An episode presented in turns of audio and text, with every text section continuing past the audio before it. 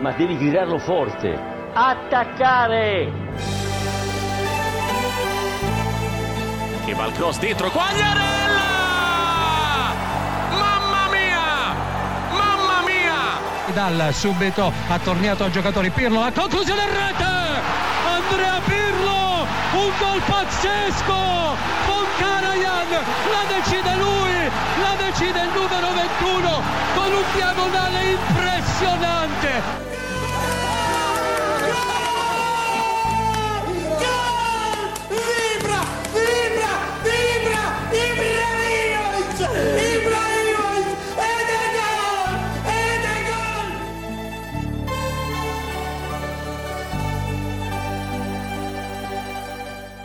Het is eh, dinsdagochtend, kwart over negen, om eh, precies te zijn 9.14. En Wesley en ik die zitten er weer klaar om eh, de Italiaanse voetbalweek door te bespreken. Er is veel gebeurd, veel wedstrijden geweest, Europese duels vorige week, een topweekend met leuke potjes. En dan zijn- zitten wij gewoon weer klaar om ja, een uurtje te praten. Dit keer niet klagen over het vroege opstaan. Nee, dat mag niet Dat meer. gaan we niet meer doen. Doen we niet meer. Nee joh, zo niet nodig. Afgeraden. Maar goed, we hebben echt bizar veel gehad. Ik eh, ben de helft denk ik alweer vergeten als je het Ja. zo allemaal terugkijkt. Wat we Vorige week waren we dat Champions eigenlijk ook League, al. Europa League. Ja. Ja. ja, nu gewoon lekker natuurlijk een heel weekend wat eh, eigenlijk gisteravond pas eh, ja, afliep. Italië-Nederland hebben we vorige week niet, eh, ja, niet op teruggeblikt. Nee, ook Maar niet. ja, zulke soort dingetjes gebeuren nou eenmaal als er, eh, ja, als er zoveel gebeurt. Vorige week Europees voetbal. Daar gaan we het denk ik ook niet meer over hebben. Of eh, wil je daar nog even iets, eh, iets uitlichten? Niet heel veel verrassingen denk ik. Je hoeft toch vrij simpel van Dynamo Kiev gewonnen. Ja, een verrassing was Napoli AZ natuurlijk. 0-1 Ja, dat was natuurlijk voor wel AZ. League. Eh, moeten, moeten we daar zwaar aan tillen als, als Italiaans voetballiefhebbers? ja, ik vind sowieso best wel grappige uitslagen. Zeg maar dat natuurlijk ploegen die ja, niet draaien in de competitie, dan in Europa opeens wel weer draaien en andersom. Ehm, Europa goed, League ja. telt in Italië niet Nee, echt. precies. En dat is altijd al zo geweest. eigenlijk pas tenzij je echt ver komt, per ja, ongeluk. exact. Ja, Net en- zoals wat Inter eigenlijk vorig jaar had. Want Zo is het. Ik denk als Inter was, ja, Ja, had die- totaal niet uitgemaakt als ze natuurlijk in die groepsfase eruit lagen. Dan, Nee, die kwamen uit de Champions League Ja. natuurlijk. Die werden derde Ja. in de Champions League, kwamen in de Europa League. En toen hebben ze wel gezegd, ja, het wordt wel echt weer een keer tijd om een prijs te pakken. Nu we toch in de knock-out fase zitten. Ja, maar goed, dat is natuurlijk maar een... Ja, Lazio was er al uit toen. Lazio was al uitgeschakeld in de poolfase. Terwijl ze in de Serie A fantastisch waren. Nou ja, Napoli draait dit seizoen hartstikke goed. Verloor eh, weliswaar van Juve met 3-0. Maar eh, ja, die grap gaan we ook niet elke week maken. Eh, maar eh, voor de rest ging het allemaal goed. Ja, eigenlijk gewoon in binnen Italië denk ik de meest stabiele... Ja, de Ploeg beste ploeg op dit moment denk ik wel. ehm, Nog steeds, want afgelopen weekend wonnen ze van Benevento. Maar tegen AZ ging, ging het mis. Oh. Eh, AZ verdedigde dik, had een goed blok neergezet. En complimenten voor de ploeg van Arne Slot, denk ik. Want Napoli trad gewoon aan in, ja, van met de sterkste elf eigenlijk. Nagenoeg.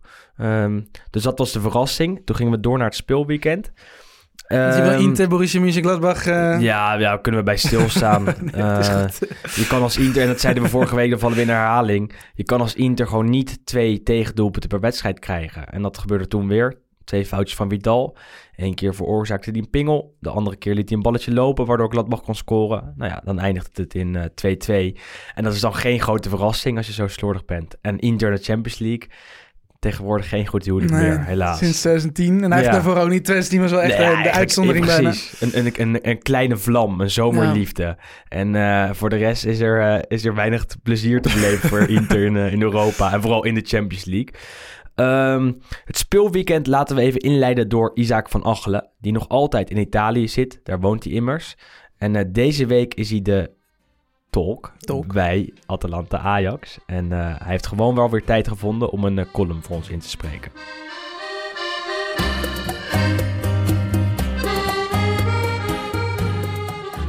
Buongiorno amici sportivi. Wederom direttamente da Bergamo. Ik kreeg gisteren al een paar keer de vraag: Was jij die tolk twee weken geleden? Ja, dat was ik.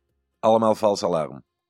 Na 10.828 dagen speelt Atalanta vanavond weer in het eigen stadion in Europa. De laatste keer was op 6 maart 1991. De afgelopen jaren hebben ze de Europese wedstrijden in Milaan en Reggio Emilia gespeeld. En ondanks de hevige regen van de afgelopen dagen ligt het veld er echt prachtig bij. Ik heb het gisteren zelf even aan mogen raken in het Gewies-stadion. En dan komt Ajax op bezoek.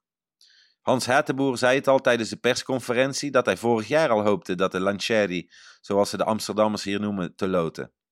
Het is natuurlijk speciaal als Nederlander in het buitenland om Ajax te treffen. Ik snap dat helemaal. Als je als Nederlander in Italië over voetbal praat, dan krijg je vaak al snel de vraag: Ma tifi l'Ajax? Ajax staat hier bekend als La Fabbrica di Talenti, wat ik zojuist ook las in de plaatselijke krant van Bergamo. Vanavond ben ik stiekem wel voor Ajax. Ik blijf, ik blijf toch Hollandezen. Dus ik zal blij zijn voor de Amsterdammers eh, als ze winnen en het goed doen in Europa. Net als dat ik dat hoop voor de andere Nederlandse clubs. Maar ik eh, heb afgelopen zondag waarschijnlijk een boete gepakt op de snelweg richting eh, Lombardije. Omdat ik op tijd wilde zijn om mijn clubje in Waalwijk te zien ploeteren. Door naar de krantjes. En ik heb te doen met onze amico sportivo Sander Jonkman. Hoe moet hij zich eh, gisteravond gevoeld hebben met, zoals eh, Il Corriere dello Sport kopt, Giacomelli Bomber. De scheidsrechter en de VAR speelden een enorm negatieve hoofdrol bij de wedstrijd Milan-Roma. Twee onterecht gegeven strafschoppen. Due rigori fantasma. Uno per parte. La Roma rimonta il Milan tre volte. Roma komt drie keer terug van een achterstand. 3-3. Ook in de Gazzetta staat geschreven: Arbitro e VAR disastrosi. En dat onder de grote kop met een woordspeling Milalt. Milan wordt een halt toegeroepen. Niente fuga rossonera. Milan heeft het niet voor elkaar gekregen om met vier punten los bovenaan te komen staan. Het is bij twee punten gebleven. In Tutto Sport wordt er naast Frenata Milan en het eerste puntverlies van de Rossoneri gesproken over Tampone Juve, de welbekende coronatest. Tegenwoordig kent denk ik bijna iedereen dat gevoel van wachten op de uitslag. Ik in ieder geval wel. CR7 heeft eh, vandaag de allesbeslissende test. Als hij negatief test, kan hij morgen in actie komen tegen Barcelona. Dat was hij weer. Buon divertimento stasera. Bij, zoals Tutto Sport verderop in de krant schrijft, l'appuntamento con la storia. Forza Atalanta. Ehm, Ajax. Alla prossima.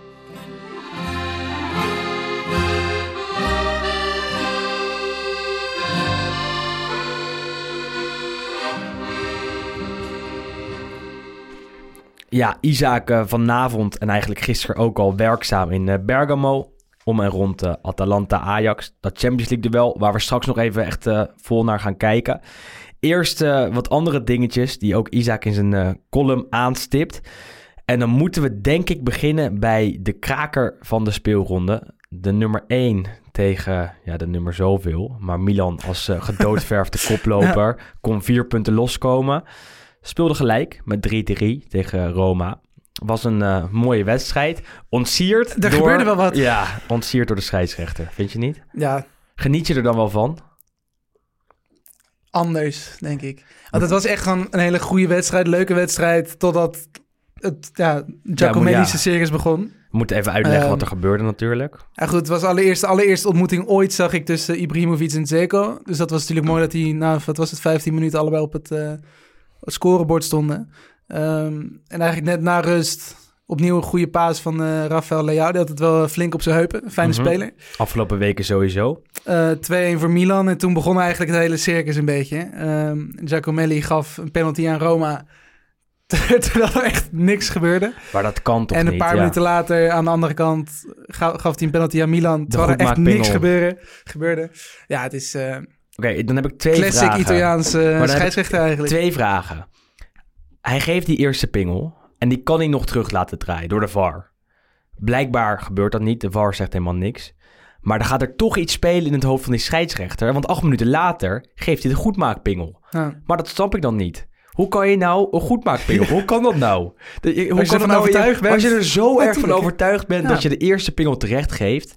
Dan En gaat niet- er en niet wordt gecorrigeerd. En niet wordt gecorrigeerd. Dan kan er toch bijna niet iets in het hoofd gaan spelen... dat je dan acht minuten later een pingel aan Milan geeft. Wat ook absoluut geen pingel was. Dat was echt... Dat, ah, Ja, goed, ik, het, Nee. een- ja, het enige wat je kan zeggen is... hij geeft gelukkig aan allebei de clubs een penalty. Dus dan kun je een ze een soort van, volgens mij. dan kun je ze een soort van wegstrepen tegen elkaar. Maar het blijft wel belachelijk hoe groot de invloed is. Want het is ook niet de eerste keer, niet van hem, niet van scheidsrechters dit seizoen. Vorig seizoen hebben we het natuurlijk ook vaak genoeg erover gehad. Ja, en toen, het- toen het- eh, op- Emil het is Schelvis trok de ja. vergelijking van Giacomelli met... eh, tijdens eh, Juventus-Atalanta. Toen hij twee pe- penalties gaf voor twee handsballen van Juventus. Ja, die vond ik wel meer terecht dan, dan dit. Want dit, Ja. dit verzon hij zelf. Ehm, was echt niks en, aan en de dat de VAR dan niet, niet eh, bij zinnen is om dit te corrigeren. Dat is gewoon echt totaal bizar. Ehm, en dan ga ik het blik met anekdotes maar weer een keer opentrekken over uh. Giacomelli. Ehm, drie jaar geleden was eh, er een duel tussen eh, Lazio en Torino. Eh, Lazio deed toen mee om de bovenste plekken. Giaco- Giaco- Giacomelli, daar ga ik bijna. Giacomelli. Giacomelli was daar de scheidsrechter. En die gaf daar een penalty aan Torino. En een rode kaart aan Ciro Immobile. En na de duel was heel Lazio boos. Marco Parolo, destijds ook al actief, actief bij Lazio, kwam voor de camera en die zei... Ja, het is moeilijk als we tegen 12 man moeten spelen. Waarmee hij dus als twaalfde man van Torino Giacomelli eh, bedoelde. Giacomelli. Want daar komt het. Na afloop gingen de Lazio-fans even op onderzoek uit. En die kwamen er eerst achter dat eh, Piero Giacomelli, de scheidsrechter, een Facebook-profiel had. Wat Italiaanse scheidsrechters niet mogen hebben. Onder het pseudoniem Jack O'Malley. Op zijn Iers. Op zijn ears, inderdaad. Jack O'Malley. En eh, nou, dat mag dus niet. Dus dat, dat posten ze op internet. Alleen daar kwamen ze nog achter meer dingen namelijk. Ehm, eh, namelijk dat eh, de Ja, goed, het- omslagfoto ja, met Francesco. Totti was. Dat is de, niet de Roma-aanvoerder. Totti, Totti maakte een, eh, een, een, penalty op dat moment. En Giacomelli, die stond op de, op de achtergrond. Ehm, dus dat gepost, alle Lazio-fans boos. En die gingen doorzoeken. Ehm, en die kwamen er toen achter dat Giacomelli in een restaurant had in eh, Trieste. Ergens in het Noord-Italië. noordoosten van Italië. En eh, nou ja, toen eh, zijn ze naar Tri- TripAdvisor gegaan. Hebben ze een lading negatieve reacties achtergelaten op eh, het restaurant. Het is niet te eten. Hier moet je nooit heen. Vooral de basis een lul. Vooral de basis een eikel. en, en dat ging maar door. En eh nou, dat restaurant was niks mee aan de hand verder. Behalve dat er een muurschildering was geweest. Want dat zag je ook op Facebook. Van Francesco Totti en van Roma in dat restaurant. Ja, daar zijn ook foto's van. Dus al die Lazio- Lazio-fans, al die Laziali... die eh, hadden het vermoeden dat eh, Giacomelli een eh, Romanista was. Een Roma-fan. Eh Giacomelli geschorst voor één duel. Want Italiaanse scheidsrechters mogen geen Facebook-profiel hebben. Voor de rest nooit meer iets mee gebeurd. In genade aangenomen. In genade aangenomen. Ja, Maar, en eerder waren er al een keer eh, Genoa-fans naar het restaurant gekomen. Nadat Giacomelli tijdens het duel van Genoa verkeerde beslissingen had genomen. Ik ben benieuwd wat er gisteren is gebeurd. ja goed, maar kijk, dat, Milan-fans en Roma-fans samen, samen, samen naar het restaurant. Nee, het restaurant is niet meer van hem, dus dat kon niet meer. nee, ja, ja, Dat zijn wel mooie Italiaanse ja, verhalen, tuurlijk vind absoluut. Maar het is Dat inderdaad nergens schandalig anders. dat dit soort dingen kunnen gebeuren. En dat ze erachter komen. Hoe kom En je dat er erachter dat, dat, dat, dat Ja. Giacomelli een eh, Facebook-profiel onder het pseudoniem... Pseudoniem noem je het gewoon toch Ja. ook in dit geval. Ja, Jack O'Malley heeft. Dat, dat, dat is heel bizar. moet je ook al creatief eh, geest hebben, denk ik, om dat te vinden. Maar, Ja, dat denk ik ook. Maar het is, ja, het is gewoon zo zonde dat die scheidsrechters zo'n grote Ja. invloed hebben. En eh, Italië is natuurlijk misschien wel een scheidsrechterland bij uitstek. Natuurlijk met in het verleden Collina als een van de meest bekende scheidsrechters aller tijden. Rocky Orsato in Nederland niet gezien als goede scheidsrechters. Zijn ze wel in Binnen principe. Italië wel, Ja.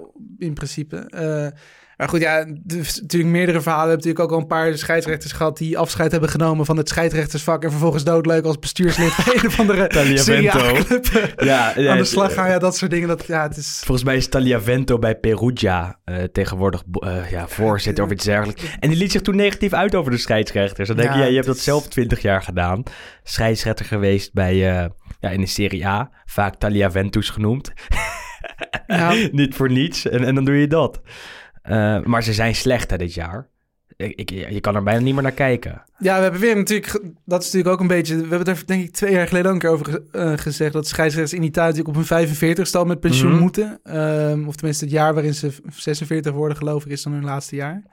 Ehm, en dat helpt natuurlijk ook niet echt mee, want iedere keer op het moment dat je scheidsrechters hebt met genoeg ervaring, of tenminste op basis van hun leeftijd en wedstrijden die ze onder de achter hun naam hebben staan, dan moeten ze bijna afscheid nemen. En dan krijg, je- krijg je weer een jonge jongen erbij. Eh, Rocky moest vorig Ja. jaar een noodgedwongen afscheid nemen. Daarom, Stond eh, te ja. huilen na afloop van zijn laatste wedstrijd, omdat hij moest eh, stoppen. ja. En dan komt er een lading nieuwe scheidsrechters aan. En dat is dit jaar volgens mij, tenminste voor mijn gevoel, meer dan ooit. Joko Melly hoort daar niet bij, voor de duidelijkheid. Nee, dat is ook wel een oudje. Of Maar, tenminste- ja, maar die bakken er niks, echt niks van. En, en Giacomelli ligt dan wel goed bij de spelers, schijnt. Omdat hij benaderbaar is. Omdat hij eh, niet zo streng is als scheidsrechter, zoals Rocky en eh, Orsato. Maar ja, als dit het resultaat daarvan is, dan heb ik liever een, eh, een, strenge schoolmeester... Dan, dan iemand die ertussen staat en die er niks van bakt. En die voor mij, als ik voor mezelf spreek, het plezier van Milan-Roma praktisch verpest. Want het wordt, was 3-3, het was eh, spektakel. Ibrahimovic was weer fantastisch. Zeko speelde aan Roma-kant hartstikke goed. Eh, maar die twee pingels die beïnvloeden het resultaat dusdanig... dat ik denk, ja, waar zit ik dan naar te kijken op de maandagavond? Naar de show van Giacomelli. Eh en dat, dat, dat, dat, dat moet niet zo zijn. Nou, dat is inderdaad heel erg zonde. Maar Ja, ja, over die scheidsrechters kunnen natuurlijk eh, lang en breed we gaan hebben. door naar het voetbal zelf, We maar we moesten het 48 benoemen. zie ik trouwens eh, dit seizoen. Kun je nagaan? En 48, allemaal even slecht. Die zijn... ja, we hebben inderdaad een paar hele matige, matige mensen ertussen zitten. Maar Gaan we door naar de vrijdag. Eh, de maandag hebben we even gehad. Moesten we bespreken. Actueel natuurlijk ook. Maar vrijdagavond stond er een eh, mistduel op het eh, programma. Sassuolo tegen Torino. 3-3. Ja, dat was, eh, was spectaculair. niks gezien letterlijk. Nee, niks. Ja, Nee, ja, nee, ja, Je kon ja, niks zien. dat, eh, ik trapte het was, Nee. eh, nee, je kon ook niks zien. Nou ja, het was echt niet te doen. De eerste helft zag je letterlijk niks. Eigenlijk pas inderdaad vanaf minuut 70, 80 Ja. of zo. Dat Ja, je ja. een beetje het groen van het wit kon, Toen kon was er al vier keer gescoord. Dus eh Sassuolo wel weer interessant. Torino bakte er dit seizoen niks van. Kwam opeens wel met 1-3 voor. Nou, Bellotti in uitstekende vorm. Ehm, ja, gaat het daar dan wel nu opeens draaien? Of, of, of leek het eh, alsnog nergens op? nou, het was niet best nog steeds hoor. Nee, Ja, ja. inderdaad. Ja, goed, ze kwamen, ze kwamen op voorsprong. Ik denk, ja... Ja, Ja, kn- Ja, knap dat ze op op zich- voorsprong bij Sassuolo, maar... Sassuolo is natuurlijk wel echt een van de leukste ploegen. Hebben we natuurlijk al vaker ge- gezegd. En ja, 3-3 als je zelfs als niemand het doel kan zien. Ja, Drie keer weten scoren vind ik vrij toch voor knap. spektakel. En er zaten toen nog wel duizend fans op de tribunes. Nou, die hebben ook niks gezien. Die dus hebben ook niks gezien. Dus, eh, maar ja, als dat de laatste wedstrijd Ja. is van Sassuolo die, je- die je dit jaar hebt eh, gezien op de tribunes, dan baal je ervan. Ja, natuurlijk. Want de afgelopen weekend eh, kwam de Italiaanse regering naar buiten. En die zei dat er vanaf nu geen fans meer aanwezig mogen zijn op de Italiaanse tribunes. Eh, dus eh, gisteravond waren er bij Milan-Roma al geen fans meer aanwezig. Sowieso in heel Italië heeft weer strengere maatregelen Ja, natuurlijk. eh, omdat het iets slechter gaat. misschien zelfs. Misschien dat daarom de VAR al binnen zat. Ja, ja, ja, exact. dat ja, hij die ook buiten mocht gezien. na ja. zes uur. Ja, exact. Zou kunnen. En, maar goed, in ieder geval best wel weer twee geweldige doelpunten. Als je tijd hebt, kijk die wedstrijd even, even terug. Juricic moet het wel een keer over Hakje. hebben. Hakje is echt heel erg sierlijk. Was hij al bij Herenveen toen hij daar speelde. In de tussentijd bij Benfica gespeeld. Ook bij eh, Sampdoria, als ik me niet vergis. En eh, uiteindelijk terechtgekomen bij Sassuolo. En daar is hij toch wel echt eh, hè, opgebloeid. En, en, en, en echt elke week hartstikke goed. De constant, de- ja, toch wel de, de, de, een constante factor Nou. geworden, denk ik. Ehm, kan hij nog een stap maken? Ik denk dat wel. Ik denk dat heel veel spelers van Sassuolo ook gewoon op basis van de prestaties die ze nu natuurlijk recentelijk hebben neergelegd daar bij, bij Sassuolo wel gewoon een, een stap kunnen maken binnen Italië of naar het buitenland. Ehm, maar de vraag is natuurlijk ook, moet je dat doen? Want ik denk dat je bij Sassuolo echt op de perfecte plek zit. We hebben het daar volgens mij vorige week even over gehad met het Serbio natuurlijk. Ehm, Gewoon lekker dat aanvallen. Sassuolo is gewoon echt een hele fijne ploeg, club eh, ja, om te spelen. Want je speelt sowieso leuk voetbal. Dat weet je. Je weet dat je altijd omringd bent door jongens die ook net zo technisch en net zo eh, offensief zijn ingesteld als jij. Het is er En bestuurlijk je hebt natuurlijk ook gewoon bijna geen, geen druk. Want Nee, exact. of je nou, kijk, als je achtste wordt een seizoen is het mooi, maar mocht je veertiende worden, dan gaat ook niemand zeggen van ja, belachelijk Sassuolo veertiende. Zolang je er maar in blijft. Ja, dat En- is, en dat dat is nog steeds gewoon het, het, het belangrijkste. En het, het, het mooie voetbal, het entertainment is een soort van meegenomen. Eh, maar goed, het lijkt de laatste jaren wel alsof het vooral om dat entertainment draait. En dat blijkt ook gewoon heel goed samen te gaan met de, met de resultaten. Moet eh, Ciccio Caputo de eerste spits van Italië zijn? Ja, Worden, er zijn steeds meer stemmen voor. En steeds meer mensen die roepen dat ja, Bellotti het niet doet bij de Azzurri. Immobile, hetzelfde verhaal. Ja, dan maar Caputo. Ja, maar dat is natuurlijk wel een beetje. Want bij de clubs kun je natuurlijk... Ja, moet je altijd Immobile pakken. Eh, ook gewoon, ja, ja, 36 ten alle punten tijden, voor- ja. En daarna Belotti. twijfel. Daarna Belotti die er dit seizoen volgens mij ook al vijf of zes in Mhm. heeft liggen, eh, als ik me niet vergis. Staat op vijf. Maar bij Italië... Maar bij Italië lukt het gewoon niet. En dat was natuurlijk ook best wel opvallend. Eh, Was het voor, niet vorig seizoen, het jaar daarvoor dat Quagliarella toen natuurlijk ook eh, eh, heel, veel, eh, heel veel scoorde in de Serie A. Kreeg hij ook opeens weer een kans op rentree bij Italië. Die maakte er toen ook gelijk weer een paar. Maar het maakt ook niet zoveel uit, want Caputo kan het EK gewoon nog spelen. is nog jong genoeg, Die is nog maar. jong genoeg. Het is niet zo dat hij dan opeens niet meer kan lopen. Ehm, en hij presteert nu al twee, drie seizoenen achter elkaar. En op een, op een goed niveau. Eh En hij gewoon... bij de Azzurri. Dat is natuurlijk ook Ja, belangrijk. exact. En, en hij laat het wel gewoon zien. En hij, hij maakt 20 doelpunten in de Serie A straks. Eh, het is technisch goed, kan veel. En ik denk dat hij in het spel van Italië misschien wel het best zou renderen. Eh, omdat hij ook technisch nog, nog net iets sterker is. Immobile heeft veel ruimte nodig. En voor Belotti geldt eigenlijk hetzelfde. En Belotti is toch een spits die, die veel moet werken. En die, die, die, die, die zelf Ja, veel, nou. weinig in de 16 te vinden is meer. Ehm, En Belot- wat- ja, Belotti heel is echt nog wel- stel. Is inderdaad meer iemand die je in de diepte moet sturen. Ja. Eh, maar ook niet iemand die echt kansen creëert, voor mijn gevoel. Immobile is, heeft dat wel natuurlijk iets meer. Die Komt heeft in de natuurlijk ook nog bal. redelijk wat uh, assists. Maar Belotti en Immobile zijn wel allebei meer counterspitsen, Mhm, zeg maar, dan mhm. zeg maar balbezitspitsen. Exact. En Caputo heeft dat wel. Dat moet je bij Sassuolo Nou. zijn namelijk. En dat is gewoon een hele fijne, fijne spits, denk ik hoor. Ja. En goed, ja, die maakte nu de 3-3.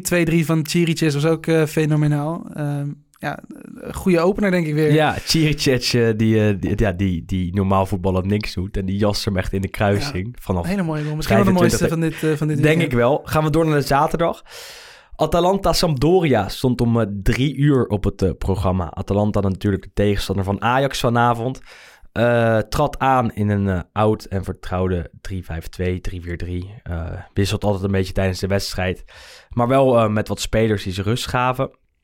Sampdoria kwam met een 4-4-2 en die legde de, de kwetsbaarheden van Atalanta mooi bloot. Hè? Door veel te counteren kwamen een aantal keer gevaarlijk voor de keeper van Atalanta, Sportiello. En eh, ja, die wonnen daar met 1-3. Eigenlijk wel verdiend, hè, misschien. Ja, misschien die 1-3 was ietsjes te geflatteerd. Maar goed, Mhm. het is natuurlijk ook maar één doelpunt, dus dat valt wel, valt wel mee. Dat was natuurlijk echt omdat Atalanta op een gegeven moment zo aanvallend ging voetballen. Dat het, eh, het kon bijna niet uitblijven dat er nog een doelpunt viel in de, in de tegenstoot. Eh, maar ja, penalty nog gemist door Quagliarella. ehm, dus het had inderdaad misschien zelfs nog ruimer kunnen zijn. Maar goed, ja, Sampdoria doet het toch eh, intussen wel vrij aardig. We, we zijn vaak heel kritisch geweest. Ook Eh, daar bizarre pingels trouwens. Ja, dat ook. Ehm, maar goed, ik denk geen, niet echt leuke spelers. Niet echt spelers Mhm, bij mhm. Sampdoria waarvan je denkt... Ja, misschien afgezien van Quagliarella... waarvan je denkt van nou, dit is nou echt heel erg leuk om te zien. We hebben natuurlijk Augello vorige week of Ja, twee weken ja, geleden ja. benoemd. Eh, en ik vind dit weekend... Als we het dan toch even over iets minder opvallende namen... ehm, Hebben we deze week de, de tijd en de ruimte voor. Scandinavische jongens doen het vrij aardig de laatste tijd. Ja, En bij Sampdoria loopt ook eentje, Mikkel Damsgaard, een Deen. mhm. scoorde tegen Lazio. assist op Quagliarella bij Mhm, de eerste. mhm. En speelde echt een hele goede, echt een hele goede wedstrijd. Ehm, dus dat is misschien ook wel eentje om eh, een beetje in de gaten te gaan houden. Maar goed, ja, Sampdoria... en Torsby moet je als en Scandinavisch Torsby natuurlijk ook. Die eh, maakte noemen. inderdaad een doelpunt, een Noor. Oud Heerenveen. Oud Heerenveen. Ehm, ja, het was eigenlijk ook gewoon verdiend tot op dat moment. Atalanta wel kansen, maar... Is het dan pijnlijk voor. Atalanta? Ja, nee, natuurlijk is het pijnlijk. Ze hebben, wat is het, vorige week... eh Met 4-1 van met Napoli 4-1 van verloren. Napoli. In de tussentijd natuurlijk wel bij Midtjylland. Mhm. dat is natuurlijk... Nou, Ja, dat moet. dat hè? moet ook wel. Ja, maar dat zeker. ligt natuurlijk ook een klein beetje aan de, Was wel overtuigend. tegenstander. Was Ja, wel nee, overtuigend dat- en dat dik wel. en knap. Maar goed, je Ehm, ziet dan toch wel hoe... dat er toch nog wel een klein verschilletje zit als je ja, vier, vijf basisspelers eruit houdt. Eh ja, Gasperini moest in de rust gelijk drie keer wisselen, omdat het gewoon nergens op leek. Het bracht Gozes, Toloi en Zapata, toch jongens die eigenlijk altijd in de basis staan. En na een uur kwamen Hatenboer en Malinowski, die natuurlijk ook ja, bijna altijd basisspeler zijn, kwamen er nog bij. De Roonder geblesseerd af. Lies blessure. Miste ook het duel met Ajax. Ja, dat is wel pijnlijk voor hem. Want hij miste natuurlijk ook al Italië Ja, en Nederland. Ja, de, de twee keer in Bergamo. Twee keer echt een prachtig duel tegen de voor hem. Nederlandse ploeg. Ja, die je bijna nooit Ja. speelt. En dan, eh, dan ben je er twee keer niet bij. Ehm, Atalanta haakt dus eventjes af. Ehm, maar de alarmbellen gaan niet direct af, hè? Of, of bij jou wel? Nou ja, goed. Dit ik- hebben ze elk jaar een keer. Vorig jaar hadden ze het ook tegen een kleinere ploeg. ja, Misschien ook wel tegen Sampdoria. Ik weet even niet meer precies. Het jaar daarvoor tegen Empoli. Dat ze, dat ze er niet langs kwamen. Wel 40 keer op doel schoten. Toen Dragowski, die daar zat, echt fantastisch keepte. Eh, dus ze hebben elk jaar wel een paar keer van dit soort potjes ertussen zitten. ja, op zich wel. Ehm. Kijk, het is natuurlijk... Het is allemaal leuk en aardig dat we in Nederland heel snel denken dat Atalanta natuurlijk gewoon topfavoriet is voor de Scudetto op basis van een paar goede, of tenminste van, van goede Spal wedstrijden. vorig jaar. Ehm, maar ja, het is gewoon geen... Sowieso niet te komen. Straks komen we nog bij Juve en Inter Mhm, natuurlijk. mhm. Maar de Serie A is denk ik echt de competitie bij uitstek... waar gewoon de meest constante ploeg kampioen wordt. Ehm, want ook Juventus heeft natuurlijk de afgelopen negen jaar... zijn ze kampioen geworden, maar ze zijn echt ieder jaar flink uitgedaagd. Eh, en hebben ook natuurlijk mindere periodes gehad... en andere ploegen betere periodes. Maar uiteindelijk is degene die het meest constant presteert... Tegen de kleintjes. En, en dan heb je het En dat is natuurlijk ook tegen die kleintjes. En Ja. Atalanta, eh, ja, is denk ik wel de afgelopen paar jaar waarop ze punten verspelen, is inderdaad in de wedstrijden waarin het eigenlijk niet nodig is. Mhm, mhm, mhm. Maar goed, ja. op zich is dat ook logisch. En zeker nu natuurlijk met druk schema, druk programma, met die. Champions League ertussen. En zij winnen nu met 4-0 van Midtjylland. Hebben natuurlijk vorig seizoen eh, gigantisch ver gekomen in Europa. Die willen dat waarschijnlijk nog een keer proberen. En als je weet van, nou, straks komt Ajax eraan, snap ik best dat je dan zegt van, hé, hey, we willen thuis Ajax pakken. Dan sta je op zes punten na twee wedstrijden. Ben je praktisch ben je door naar de volgende ronde. Dat is, als, het, als je is geen gekke dingen meer gaat doen. het duel waar het om gaat voor Atalanta. Ja. En Atalanta-Sampdoria heeft dan gewoon wat minder prioriteit. Eh, want dat is maar één van de 38 Goed, en ook wedstrijden. wetende dat de, rest, dat, dat de concurrentie ook al punten heeft verspeeld. Zo Dus is het. Zo heel is ver het. staan ze natuurlijk ook nog niet achter. En vorig jaar hadden ze dat tegen Spal en, en het jaar daarvoor dus tegen, tegen Empoli. Dus, dus ze hebben elk jaar zo'n potje. Sampdoria, nou, die mag zich in dat rijtje, bij dat rijtje voegen. Zou Juriaan van Wessem niet, eh, niet blij mee zijn. die schat ze vast iets hoger in. Maar ja, ja, weer genoten van Ilicic trouwens. Ja, ja, die had een paar mooie panna's. spelers. Ja. Torsi werd helemaal kapot gespeeld in de eerste 10 minuten. Dat was genieten, hè? Ja. Gelijk, maar ja, voor de rest is Ilicic nog niet zo efficiënt als dat hij was voor de coronastop. Maar het ziet er wel mooi uit allemaal. Precies, dat is ook belangrijk. En over het eh, kampioen worden tegen de kleintjes en, en scoren tegen de kleintjes, eh, won Inter met een 0-2 bij Genoa. En dan heb ik het niet per se over Genoa zelf, maar wel over de spits bij Inter, Romelu Lukaku. eh, die echt een gigantisch verschil vormt met Mauro Icardi, die daarvoor de eerste spits bij Inter was. Want Lukaku scoort altijd tegen de kleinere ploegen. En hij maakt echt het verschil en is is 100% beslissend. Was goed voor de 0-1 bij Inter op bezoek bij Genoa. En dan Brosio, die maakte later nog de 0-2. Inter won daar. Ja, een duel waar we niet veel over hoefden te zeggen, want eh, er gebeurde niet heel veel. Eh Eriksen kreeg een kans in de basis. Was weer niet veel. En dat is eh, echt eh, jammer om te moeten zeggen. Barella kwam erin en die maakte wel weer een, een goede indruk. Maar eigenlijk vanaf zijn entree begon het te Exact, lopen. Gaf de ja. assist op Lukaku natuurlijk. Ja, Maar goed, als, je, als jij nou moet kiezen, weet je. ehm, Icardi scoort natuurlijk vooral in de grote wedstrijden. daar Lukaku scoorde vooral de kleine wedstrijden. Wat is er dan eigenlijk belangrijker voor een ploeg als Inter? Eh 100% wat Lukaku doet. Ja. Inter is traditioneel een ploeg die het altijd lastig heeft tegen de kleinere ploegen. Ik kan me thuis nog een eh, nederlaag herinneren tegen Cagliari met 1-4, tegen Torino met 0-1. Allemaal zulke soort potjes die ze, die ze verloren. Ook wel best wel eens op bezoek bij Genoa. Ehm, en als je dan ziet dat eh, Icardi in die wedstrijden nooit opstond, maar Lukaku dat wel doet en afgelopen zaterdag gewoon weer, nou, niet uit het niets, maar wel weer gewoon die 0-1 maakt, wat zo'n belangrijke goal is om, om, om zeg maar de padstelling te doorbreken, dan kies ik zeker voor Lukaku. En je moet niet vergeten hoe belangrijk Icardi voor Inter is geweest. Die heeft echt heel veel wedstrijden beslist. In zijn eentje eh, een hat gemaakt in de derby. Was de eerste sinds Diego Milito die dat deed. Eh, en allemaal zulke soort potjes scoorde altijd tegen Juve. Eh, maar in de kleinere wedstrijden was hij er vaak niet.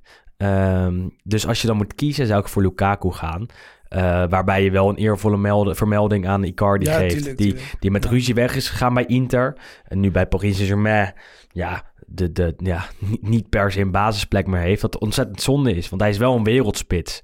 Eh, alleen Lukaku is nog net iets beter. Nou. En, en ik denk ook dat Lukaku het team beter laat spelen. Als je Icardi niet zag, zag je hem echt niet.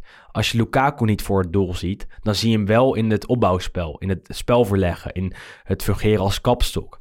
Eh, en hij is onderschat, hè. Hij, hij wordt nooit genoemd als topspits. Maar, ja, goed, dat komt natuurlijk ook een beetje door die periode die hij natuurlijk bij United heeft gehad, waar het niet, waar hij ook gewoon veel scoorde nog steeds. Maar ja, volgens mij kwam United net van, van Persie. Dat ze dat, dat, soort, ja. types. Ja, het is natuurlijk best wel een overgang dan. Maar ik heb ook wel het gevoel dat Lukaku veel scherper en, en completer is geworden sinds hij bij Inter speelt. Conte is daar zeker Ja. deels verantwoordelijk voor. Eh Conte en Lukaku hebben een goede relatie. Die, eh, de, de- een van de redenen dat Lukaku voor Inter heeft gekozen is Antonio Conte. Conte wilde hem al eh, een langere tijd hebben, ook toen hij trainer was bij Chelsea. Eh, uiteindelijk kwamen ze samen bij Inter en, en dat werkt gewoon hartstikke goed. Ehm, het systeem werkt ook goed voor Lukaku, de 3-5-2, waarbij hij ook nog Lautaro Martinez naast zich heeft als, als echt een topspits. Of potentiële topspits, die nu al wel hartstikke goed is. Ehm, en, en, en het werkt gewoon allemaal perfect voor hem. En ik denk ook dat de Serie A voor hem, eh, voor hem goed weggelegd is. Ehm, dus wat dat betreft, zeker, ik, ik geniet er elke week van om van Lukaku eh, te kunnen genieten. Of ik geniet ervan om naar hem te kijken. Ik, ik, ik vind het mooi om ervan te kunnen genieten. En eh D'Ambrosio maakte de 0-2, Inter won.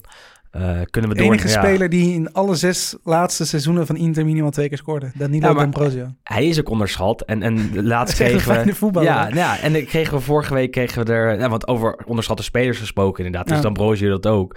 En vorige week speelde Inter een keer slecht. Ik weet niet tegen wie het was. Tegen Milan. Eh, en Ja. toen kreeg ik gelijk weer de vraag... eh, wat er met... waarom D'Ambrosio toch de hele tijd speelde. Maar dat is echt een voetballer die, die, die er altijd in principe staat. Die wel Beetje wat een soort, foutjes een, soort, maakt. een soort veldman ja, eigenlijk. een soort als veldman. je het En toch moet vergelijken hij maakt wel eens foutjes, eh, maar, maar komt veel voor het doel. Eh, en ook verdedigd gezien is hij echt niet zo slecht. Eh, kijk, in die derby wordt hij weggespeeld door Rafael Leao, de, de Milan Ja. linksvoor. Maar goed, dat gebeurde Rick Karsdorp ook. ja, ja dan, kan het, dan kan het gebeuren. Dan is er niks aan de hand. Maar eh, scoort altijd een 6,5. Dan Brozio. Lazio speelde later op de avond, op zaterdag, tegen Bologna. Won met 2-1. Eén speler die we daar moeten uitlichten is denk ik eh, Luis Alberto. Die afgelopen week ook wel tegen Dortmund fantastisch was. En het tegen Lazio, eh, ja, toch ook weer Tegen Bologna, beslissend. eh, ja. Tegen Bologna, tegen Bologna ook weer echt beslissend was. Speelde een goede wedstrijd. En ook daar had Lazio het lastig. Ehm, kwamen op 1-0 achter door Ja. een Scandinavische jongen. ja, exact. Al Berg. afgekeurd. Svan Berg, hele Ja. mooie goal weer. Ook eh, niet zijn eerste dit seizoen. Eh, maar helaas afgekeurd vanwege een ja, Mhm. mini-overtreding in de, in de opbouw. Ja, Eh, en toen uiteindelijk in de tweede helft lazen ze wel vrij gefrustreerd, vond ik, de hele wedstrijd. Die, begon, die ging er fel in eh, eigenlijk overal. wel mooi. En Ze zijn getergd daar. Luis Alberto speelde iemand door zijn benen en rost hem vervolgens met zijn mindere rechter onderkantje lat erin. Ja, het is echt, gefrustreerde was echt een fantastisch knal, echt een doelpunt. geweldig doelpunt. Inderdaad. het net door midden. Ja. En eh, later eh, ja, kwam de bal in de 16 voor de voeten van Fares, die een omhaal deed, Ja. waardoor eh, Immobile nog kon inkoppen. En uiteindelijk in de laatste minuut nog... De Silvestri, opgeleid bij Lazio. Il gol del grande ex. ja, Om het maar de even op Delex, z'n- dat is wel exact. een... ja, dat is een mooi ja, fenomeen in Italië. Daar is in Italië veel meer aandacht Ja. voor hè, dan in Nederland. De kranten staan vol, hè? Toch? Ja. Ja, natuurlijk. De, het, duel der exen. Ehm Lazio won. Ja, dat, eh, dat mocht ook wel weer een keer. Vorige week tegen Dortmund maakten ze ook al een goede indruk. Eh, wonnen ze ook natuurlijk met 3-1. Doelpunt ook van eh Akpro. Akpro. Akpro. En, maar is Lazio terug, denk je? Of te vroeg om dat te zeggen? Ah, we hebben, ze zijn natuurlijk echt heel kritisch geweest ook. Want met, met, met, die, transferperiode waarin ze niet heel veel speciaals hebben gedaan, spelers wel behouden. Maar het, het, het lijkt wel, ja... Het is lastig om te zeggen hoe, of ze er nu echt Mhm. ver op vooruit zijn gegaan. Want achteruit denk ik niet. Maar, Nee. Fares is wel een goede aanwinst. Ja, maar ze hebben absoluut een paar nieuwe jongens. Fares kwam van Spal. Natuurlijk iemand die, een verdediger die wel gewoon ieder seizoen een paar assists eh, geeft. Mhm. Die Akpa Akpro, ja, komt uit de Serie B, 27 jaar. Is natuurlijk geen Voor de breedte. meer. gigantische naam. Maar goed, als die ook begint te, te scoren, is Ja. dat natuurlijk mooi meegenomen. Luis Alberto is weer goed. Ja. Immobile heeft het iets lastiger dit jaar, maar komt er wel weer in. Maar goed, ja, Ehm, verder, het is, het is ja. geen geweldige selectie. Natuurlijk Nee. Wesley Hoed, Morici, dat zijn eigenlijk de enige namen die een beetje zijn binnengekomen. Maar Volg jij Hoed op Instagram? nee, ik vroeg zijn... Nee, Zijn vriendin. zijn vriendin vroeg ik wel. Nee, zijn vriendin is, wat is Emma Heesters geloof ik, toch? Die Ja, zangeres? ja, zeker. Ja, Ja, ik volg ze niet, nee. Het is Wat- een wat heeft, wat heeft koppel. hij gedaan? Gewoon, je moet hem even volgen op Instagram. Die hebben, die hebben mooie fotootjes samen.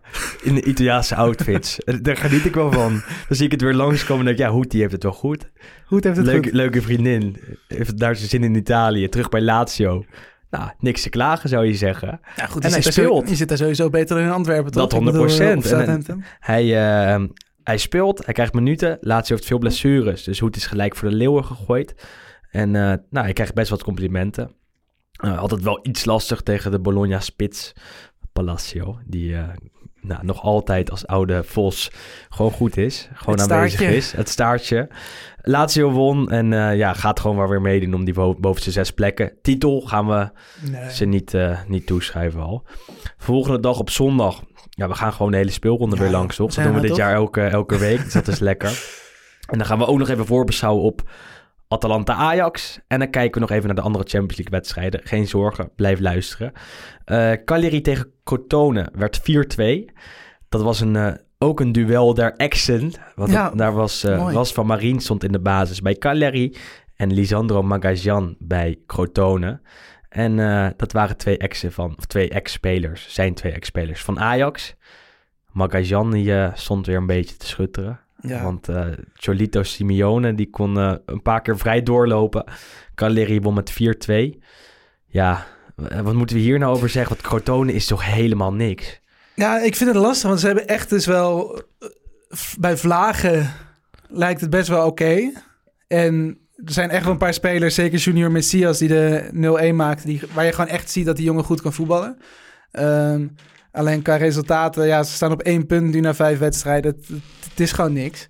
En dat is gewoon best wel zonde, want je zegt aan het begin van het seizoen zeg je natuurlijk van ja, die promovendi uit de Serie B, Benevento, Spezia, Crotone, die zakken gelijk allemaal weer af. En je hoopt dan stiekem dat ze het tegendeel bewijzen. Maar in ieder geval, Crotone werkt gelukkig eh, wel mee aan die voorspelling. Zo is het. En, en het- het- ze staan laatste, ze pakken geen punten. Nee. Ze hebben inderdaad Messias in de aanval. Ja, maar ze hebben echt wel een paar leuke ik spelers. Goed, ja, die Junior Messias is een goede speler. Simi vind Simi ik gewoon echt blijft een hele fijne, hele Simi zal volgend spits. jaar ook wel in de Serie A Ik spelen. Dat kan bijna dat niet hij nu wel een anders. stap gaat maken. En eh, hoe deed Marine het? Marien was oké, denk ik. Niet heel bijzonder weer. Eh, vorige, vorige wedstrijd was natuurlijk wel belangrijk. Afstandsschot die toen werd eh, gekeerd. En de rebound vloog er toen in via Simeone. Ehm, nu iets minder opvallend. Eh, Wel als regisseur op het Ja, ja, middenveld. nee, maar best wel, hij best speelt wel prima. gewoon alles. Dus dat is sowieso denk ik ook mooi meegenomen voor hemzelf. Voor Hij hem heeft- goed dat eh na Engolan niet is gekomen, Nou, denk ik. Dat is natuurlijk een beetje dezelfde ja, plek on- waar ze ongeveer zouden gaan ja, lopen. Niet hetzelfde type speler, maar wel, de, wel gaat wel om dezelfde plek. Marien zeker van de basisplek. En Cagliari gaat toch weer iets beter lopen. Ja. João Pedro is nog steeds hartstikke goed, vind ik. volgens mij heeft het record ehm geëvenaard van de buitenlandse speler met de meeste goals.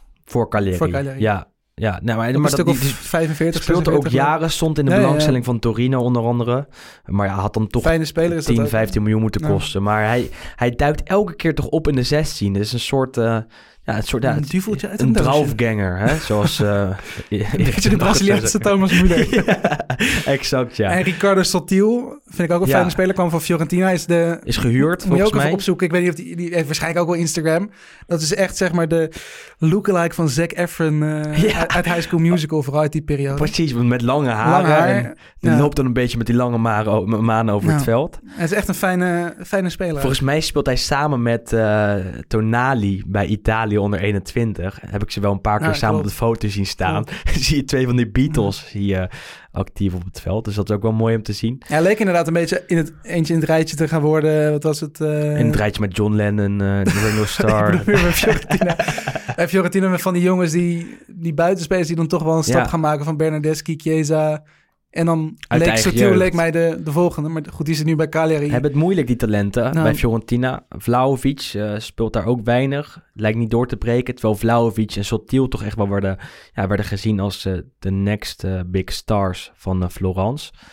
Komt er niet uit tot nu toe. Sotil krijgt bij Cagliari wel de kans om het te laten zien. En, en speelt tot nu toe wel een paar keer in de basis. Later die middag om drie uur stond de derby van Campania op het programma. Benevento tegen Napoli. Eh, ook wel de derby der Insignes, kan je ook wel zeggen. Want Nou. eh, Roberto Insigne bij Benevento, Lorenzo Insigne bij Napoli. En ze waren allebei trefzeker. Ja, mooi. Nee, die hebben allebei natuurlijk alles, ja, ongeveer de hele jeugdopleiding van Napoli doorlopen. Dus je, ja, je kunt bijna geen Napolitaansere familie eh, vinden dan de Insignes. En Roberto is er eigenlijk altijd Lorenzo was altijd basisspeler. Roberto is eigenlijk altijd gebruikt als wisselgeld. Als, 24ste man. Ja, en die werd eh, ieder seizoen speelde hij weer ergens eh, anders op huurbasis. En eh, nu in ieder geval wel in de Serie A, dus dat is natuurlijk mooi voor hem. Vorig jaar ook al bij Benevento Ja. dacht ik samen met ze gepromoveerd naar de Serie A. En hij kreeg de bal voor zijn voeten in de 16 om eh, de 1-0 te maken. Hij schiet hem prima binnen. Hij ziet hem prima binnen. En die emotie daarna Ja. vond ik echt schitterend. Eh, Gianluca Lapadula begreep het als geen ander, de Benevento-spits. En die, die rende vol achter Insigne aan. En Insigne die wist niet wat hij moest doen bij het juichen. Barstte Ze bijna een barstte bijna aan tranen uit. Liet zich op de grond vallen. Scoren tegen zijn Napoli. Dat, eh, dat had hij Ja, niet dat is wel mooi, want we hebben dat natuurlijk gewoon met een paar spelers, huidige spelers, ook met Quagliarella, die als hij tegen Napoli scoort, Niet is gewoon heel emotioneel. En Mhm. Die Natale speelde nooit erg- tegen Napoli. Ja, het is gewoon heel erg belangrijk eh, waar je opgroeit. Dat is echt een soort religie, Maar zeg maar. Met Napels heb ik dat meer. Want die Nee, ja, Natale tuurlijk, die tuurlijk, was ja. altijd ziek als hij tegen, tegen Napoli moest spelen. Eh, Immobile vindt dat ook altijd prachtig om tegen ze te scoren. Eh, ik kan me eh, Armando Izzo, die vernoemd is naar Diego Armando Maradona, ook nog herinneren. Tenminste, die speelt nu natuurlijk bij Torino. Maar als hij scoorde tegen, tegen Napoli, juichte die ook niet. In Napels is het inderdaad even wat, Is- wat heftiger ook al dan, kom je uit, dan. Ook al kom je uit Castellamare di Stabia, als het de, de provincie is of de regio Napels, dan juich je niet. Eh, en dat is toch wel bijzonder elke keer. Maar ja, Napoli won nog. Het mooiste Ehm, doelpunt van de Insignes was voor Lorenzo toch uiteindelijk. Exact, met zijn linker Hele van buiten de goal. 16. En, en eh, ik moet eerlijk zeggen dat ik die wedstrijd niet live heb gezien, maar wel een, eh, de samenvatting. En wat me daar opviel, is, was dat Napoli vooral gevaarlijk was uit de dode spelsituaties. Op een gegeven moment zag je echt drie corners achter elkaar. Twee daarvan kort genomen. De eerste schoot Insigne net niet binnen, was nog een corner. Daarna kreeg je hem nog een keer kort, kapte die naar zijn linkerbeen. En eh, deponeerde hem mooi in de verre hoek via de onderkant van de lat. Eh, de horloge van de scheidsrechter ging af. Want anders had je het nooit geweten dat hij hem eh, goed had Ja, gekeurd. jawel dus, hè. Wat? Het, het schijnt is, ik heb toen, we hebben toen natuurlijk in Lampert, WK, was het WK?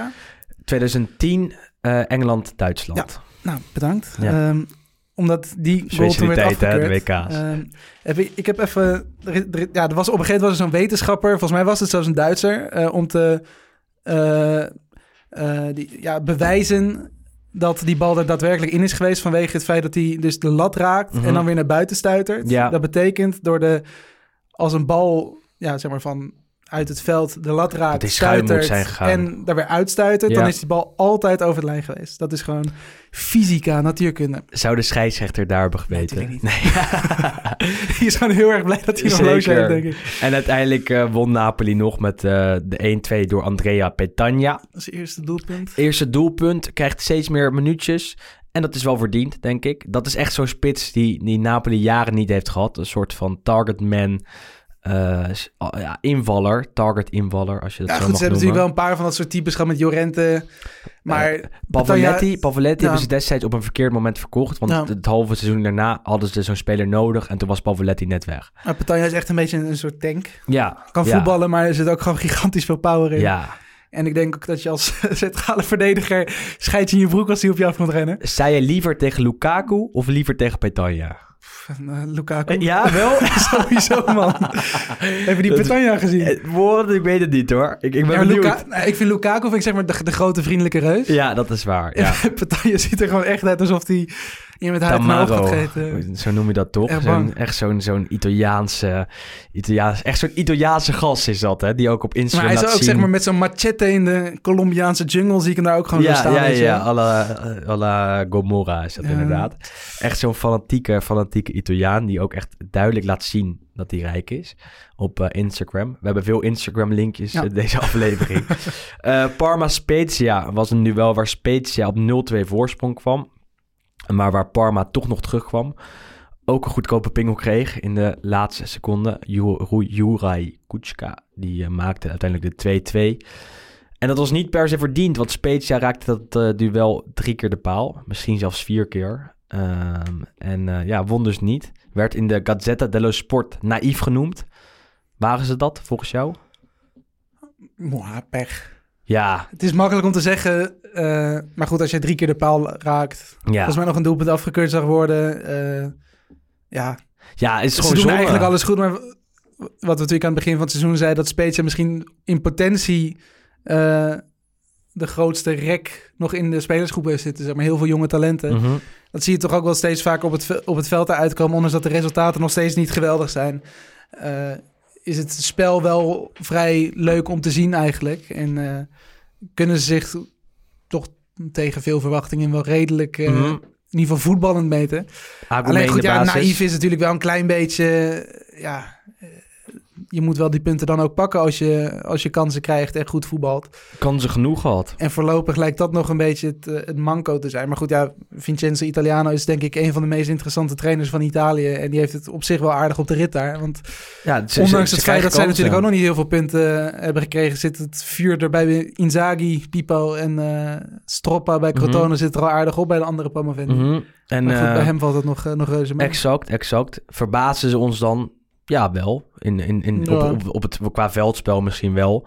Eh, al eh, is die trainer inderdaad interessant. Werd hij ook al voorafgaand aan het seizoen hoog aangeschreven.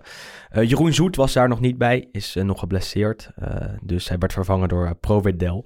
Chabot, eh, oud Groningen. Ja, scoorde, Scoorde tegen. Parma. En, eh, Tweede geloof ik al dit veel eredivisie linkjes. Ja. Parma kwam terug tot 2-2. Parma, lo- daar loopt het niet. Die moeten natuurlijk thuis gewoon moeten, ja, ze, moeten ze winnen van Spezia. Eh, dat deden ze niet. Dus daar is eh, toch ook wel een klein beetje paniek. Staat de coach Liverani, de nieuwe trainer, ook al een beetje onder druk. Dus eh, dat gaan we in de gaten houden. Later was weer een mooi duel. Fiorentina tegen Udinese. Ehm, waar Fiorentina wederom uit de startblokken schoot. 2-0 voor binnen 21 minuten. Het uiteindelijk toch weer lastig had met Udinese. Waar ja, dit seizoen ook veel misgaat. Uiteindelijk werd het 3-2 voor Fiorentina. Eén man, ook om uit te lichten. Gaetano Castrovillia. Die heeft op ballet gezeten. Ja, ik, ik mag er niks meer over zeggen van jou. Nee, dan doe ik het ook maar niet. Nou ja, hij was goed, hè? Eindelijk weer echt een, gewoon een goede wedstrijd. Eh, is natuurlijk ook wel vorig seizoen gebracht als relatief onbekende jongen. Mhm. En dit seizoen, gedurende het seizoen wel gegroeid. Alleen nog geen, ja, niet echt wedstrijden waarin hij echt eh, de grote uitblinker was. Zat al een paar keer bij de Azzurri. de dat afgelopen tijd wel. niet meer. Ehm, maar, Maar, goed, nu was ja, echt weer goed. Gewoon twee doelpunten, assist. Dat was nu echt gewoon overal. Ehm, En, en, Ja. en legt hem echt eh, heel erg mooi neer bij de tweede paal. Bij het tweede doelpunt van, eh, van Fiorentina. Ehm, waarbij Milenkovic hem uiteindelijk kon inkoppen. Eh, Fiorentina heeft het dan toch weer lastig. En dat vind ik jammer. Eh, het zou zo lekker zijn als ze één keer overtuigend weten te winnen. nou, Al moeten we, misschien, moeten we misschien wel even genoegen nemen met een 3-2. Met een, gewoon een kleine overwinning. En dan kunnen ze daar, eh, daar verder duren. eh, twee mee doelpunten van bouwen. Okaka, Ja. Udinese. Oud Anderlecht. Nou, Ehm ja, wat die, die wel veel vermelding voor de keeper. Ja, zo. Jezus. Die pakte nog even twee ballen uit. Ja, ook uit van een kopbal van Udinese inderdaad. En Dragowski sowieso een van de betere Ja. keepers van de Serie A. We hebben het vaker gezegd. eh, dit seizoen gaat het misschien iets minder op. Maar meer dan ooit is de Serie A de competitie van de goede keepers. Als je echt rondkijkt, zie je er echt bij eh, heel veel clubs een eh, goede goalie dan gisteravond Rusano Ja, exact. onder Dus, de bal doorduiken. de, qua Ja. tweede keepers gaat het iets minder goed. Al Ja. is Mirante bij Roma natuurlijk wel uitstekend. Ehm, en dan gaan we naar jouw ploeg, Juve. Want eh, Juve speelde op eh, zondagavond tegen Verona. En eh, ja, het wist weer niet te winnen. 1-1. Nee, ja. Pirlo al onder druk. Die vraag kreeg je op Twitter gesteld. Nou, niet nog. Nee. Dus Ook gewoon vanwege het feit dat hij Pirlo is natuurlijk. Had jij meer van hem verwacht nu al? Dat is misschien nee, een betere juist vraag. niet. Nee. Ik denk dat het misschien... Ja, beter ook niet. Maar dit is wel redelijk in de lijn der verwachting, denk ik. Ehm, is natuurlijk... Ja, komt, een speler, komt uit de spelersgroep eigenlijk waar je niet heel veel mee kon. En die eigenlijk op niemand echt was ingericht. Eh, ja, een beetje een soort tussenfase was het nog steeds tussen Allegri en Sarri. Want de, de, de spelers waar Allegri op eh, vertrouwde vroeger, de helft was er nog. En de spelers die Sarri wilde hebben, die kwamen niet. En die kwamen dan uiteindelijk toch via Arthur nog, eh, onder andere. Maar goed, ja, nu onder Pirlo, je mag er niet heel veel van verwachten. En het enige wat je hem natuurlijk wel kan... Is dat zo? Mag je er niet veel van Nee, maar ja, verwachten? het blijft bedoel, Juventus. Het blijft Juventus, dat is natuurlijk het, het probleem ook voor Pirlo zelf, denk ik. Maar als jij een trainer aanstelt die eigenlijk de onder 23 zou moeten trainen, kun je niet verwachten dat hij na vijf wedstrijden met 15 punten... Van Pirlo niet, maar van Juve wel. Net, ja, natuurlijk. Maar dat Ja. is natuurlijk ook... Ik neem aan dat Agnelli en de mensen die er nog meer over gaan binnen de club... wel over na hebben gedacht van... ja, je stelt nu echt iemand aan die nog niks heeft... letterlijk niks heeft kunnen laten zien ook. Ehm, dus je mag er niet van verwachten dat hij het seizoen begint met, eh, met eh 5 uit 5, zeg maar. Eh, maar goed, het spel is bij Vlagen goed, bij Vlagen heel erg... eh, Laatste half uur was wel goed. maar ik denk inderdaad, ja, zeker vanaf het moment dat Bernardeschi daar eindelijk uitging... eh, echt absoluut een dissonant in de... in Al de jaren. Ging het eigenlijk lopen vanaf het moment dat Kulusevski erin kwam. Ehm, ja, ging het, ging het wel beter. Ronaldo nog eh, afwezig vanwege het Ja, het- coronavirus. er zitten zijn natuurlijk ook best wel veel dingen die gewoon misgaan. Mhm. En dat mag natuurlijk ook, mag je Pirlo natuurlijk aan, aanrekenen. Maar er zijn natuurlijk ook heel veel gewoon andere dingen. McKenny eh, positief, Ronaldo positief. Je hebt natuurlijk de licht die eh, eind vorig seizoen natuurlijk besloot om die operatie te doen. Waardoor hij er nog eventjes uit ligt. Chiellini geblesseerd, Bonucci haakt af. Weet je, dat soort dingen helpen natuurlijk ook niet mee. Maar goed, dat, het, dat je als Juventus zijn gewoon veel beter moet eh, presteren lijkt me heel duidelijk. En eh, ik had wat kritiek op eh, Pirlo, omdat hij veel jonkies laat spelen. Omdat hij, ik vind dat hij een beetje, ehm, Doorslaat in zijn... een beetje eh, doorslaat, dat het een beetje een show-off is. Kan je daar enigszins in vinden? nee. Ik, ik, ik, ik vind namelijk dat het eh, wel heel veel in één keer is. Hij moet, ik zou het, als ik hem was, iets gefaseerder doen en niet direct zo rigoureus eh, omgooien. Nou, daar, En, dat, en- dat en- sowieso. en maar dat goed, vind ik vooral. de namen die... je- Ja, ja Frabotta... Nee, super, maar dat is meer om een... Om een, om Nee, een, om om even, kijk, het is super opportunistisch. dat is even chargeren en dat is af en toe even Nee, lekker om te doen. En daar ben ik ook niet vies van, zou ik heel eerlijk zeggen. Eh, maar zo'n Frabotta Nee, gaat nu, speelt nu wel heel veel. Nee, maar dat lijkt me ook logisch, je tactische moet beslissingen. gewoon- dat Frabotta speelt heeft er ook alleen maar mee te maken dat Alexandro natuurlijk niet fit is. Want Ja. anders speelt Alexandro gewoon vijf Ja. wedstrijden. Dus het is natuurlijk ook een beetje roeien met de riemen die je hebt. Portanova hij- hoeft het tegen Nee, niet in de basis dat was te bijvoorbeeld wel natuurlijk echt een opvallende keuze. Ook een jongen die, die gewoon niet goed genoeg is Mhm. voor een Serie A-ploeg misschien zelfs. Eh was sprake Nog dat- niet. nog nee, er was niet. sprake dat hij aan Pescara werd verhuurd. En dan speel je opeens in speelronde 4 sta je in de basis bij Juventus. Eh, dat is natuurlijk wel wat ik, dingen. ja, en goed, dat was inderdaad niet nodig. Maar dat Frabotta speelt lijkt me logisch. En nu, ja, wie was nog meer Frioni? Die viel de laatste ja. minuut in, dus dat zegt niet zoveel. Die namen ken ik, kende ik niet eens. Ik heel eerlijk ja. zijn. Ik, ik, je onder 23 al- kijk ik niet. Albanië, Italië is volgens mij, die Ja. ja. Frioni. Ehm, maar goed, ja, eigenlijk vanaf het moment dat Kulusevski er dus opkwam, 61ste minuut, ging het, eh, ging het lopen. Die is fantastisch, hè? Ze stonden toen net, eh, net achter door een fout van Bernardeschi. En eigenlijk vanaf het moment dat ja, Kulusevski erin kwam, was het feest. Hoe lang duurt het voordat Kulusevski wereldtop is? Of is hij dat al? Ja goed, wanneer ben je wereldtop? Als je constant presteert een paar seizoenen lang. Vorig jaar talent van het jaar van de Serie A. Door Atalanta verhuurd aan eh, Parma. Toen overgekocht door Juventus voor een eh, flink bedrag. Tegen de 38 miljoen aan. En, eh, ik denk als hij dit seizoen ja. doorgaat zoals hij nu is begonnen, dan, mag je, dan ben je zeg maar nog- op het niveautje Erling Haaland eh, Ja, qua ja. jonge jongens die het gewoon echt heel goed doen. nog niet zo bekend bij het grote publiek. eh, maar dat gaat wel komen, denk ik, als hij zo doorgaat. Hij heeft echt een fijne actie, fijn linkerbeen en een hoge workrate. Nou, Eh, dus hij kan op veel posities spelen. Stond ook over een tijdje op links tegen Verona.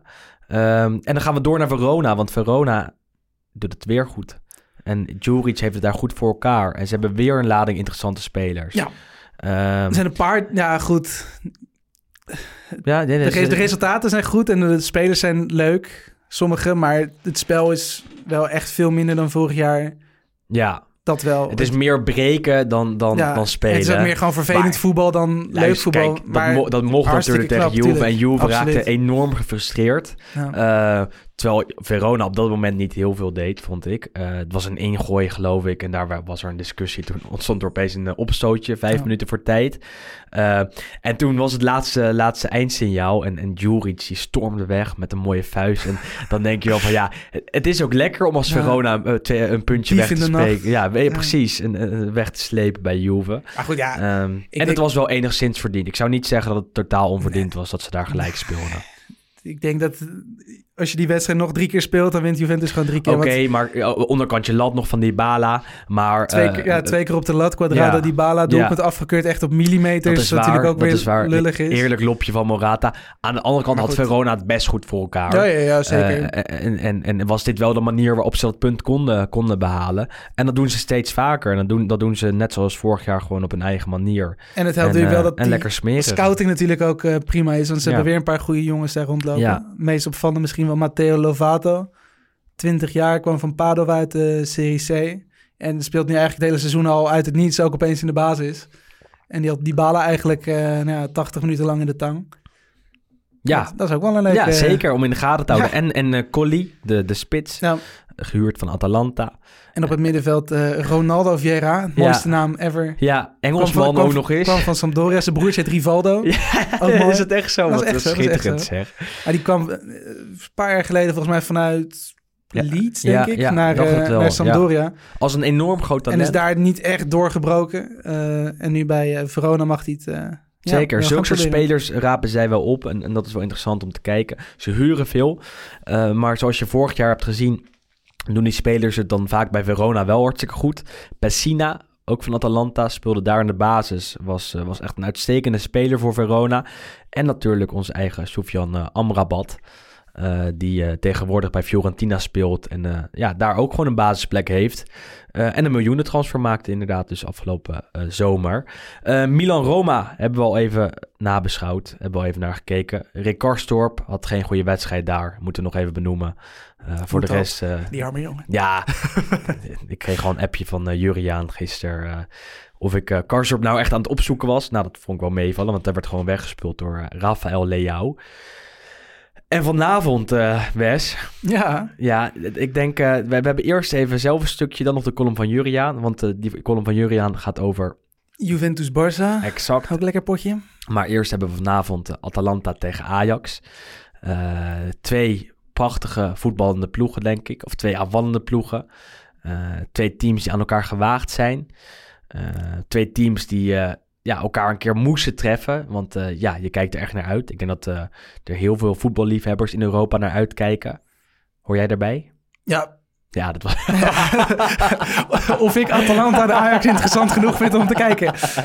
ja, ja, ja. Nee, ja, daar hoor ik van Maar wat verwacht je ervan? Ja, precies. Anders Ja. had je niet gezeten, denk ik. Ik denk gewoon weer een wedstrijd op, op lekker niveau. Eh, twee ploegen die gewoon willen winnen. Twee ploegen die willen voetballen. En twee ploegen die dat willen doen op een, op een leuke, entertainende, offensieve manier.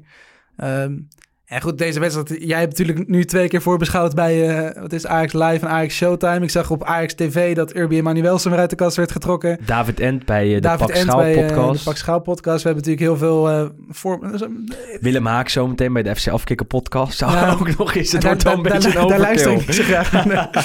Ehm, nee, ja, nee, ik denk dat dit natuurlijk gewoon een prachtige wedstrijd is. En het zegt genoeg dat iedereen dit ook serieus begint te nemen van... hey, Atalanta, misschien moeten we ons daar ook even in Er verdiepen. en moeten we daar wat meer over, eh, over leren.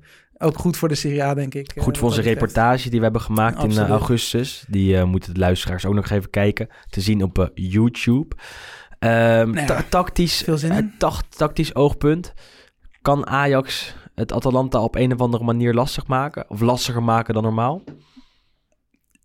Ik denk de wedstrijden waarin Atalanta dit seizoen lastig heeft gehad... toen speelde de tegenstander in een soort 4-4-2. Ehm, Ajax heeft natuurlijk ook...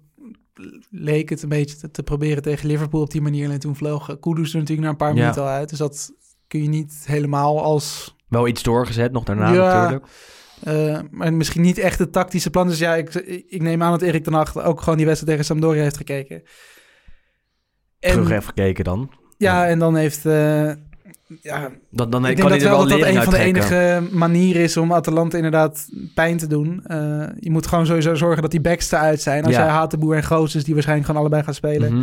eh, kan zorgen dat die niet opkomen. Dan moet alles via het centrum, via Papu en eh Ilicic als die speelt. Ilicic gaat niet spelen waarschijnlijk. Nee. Waarschijnlijk spelen ze met eh Papo Gomez, Luis Muriel en Duvan Zapata voorin. Ja. En dat is ook gewoon een ijzersterk trio. Nee, dat absoluut. Maar als je inderdaad die backs eruit haalt en je zet iemand op eh, één op één, zeg maar, met Mhm. Papu, Mhm. dan heb je wel eigenlijk bijna alle creativiteit Zeker. is er gelijk uit. Wie kan dat bij Ajax? Ja, dat is natuurlijk lastig. Ik zou gewoon lekker Lisandro Martinez Zoiets, op, eh, op? Papu zetten. Gewoon iemand die ook wendbaarder is dan bijvoorbeeld een Alvarez. En eh, bij die sluwe Vos, zo noemde Emmanuel, om hem Is hij ook echt? met Papu Gomez kan blijven. En goed, je moet natuurlijk wel gewoon twee jongens hebben op die vleugels. die gewoon de hele tijd gaan.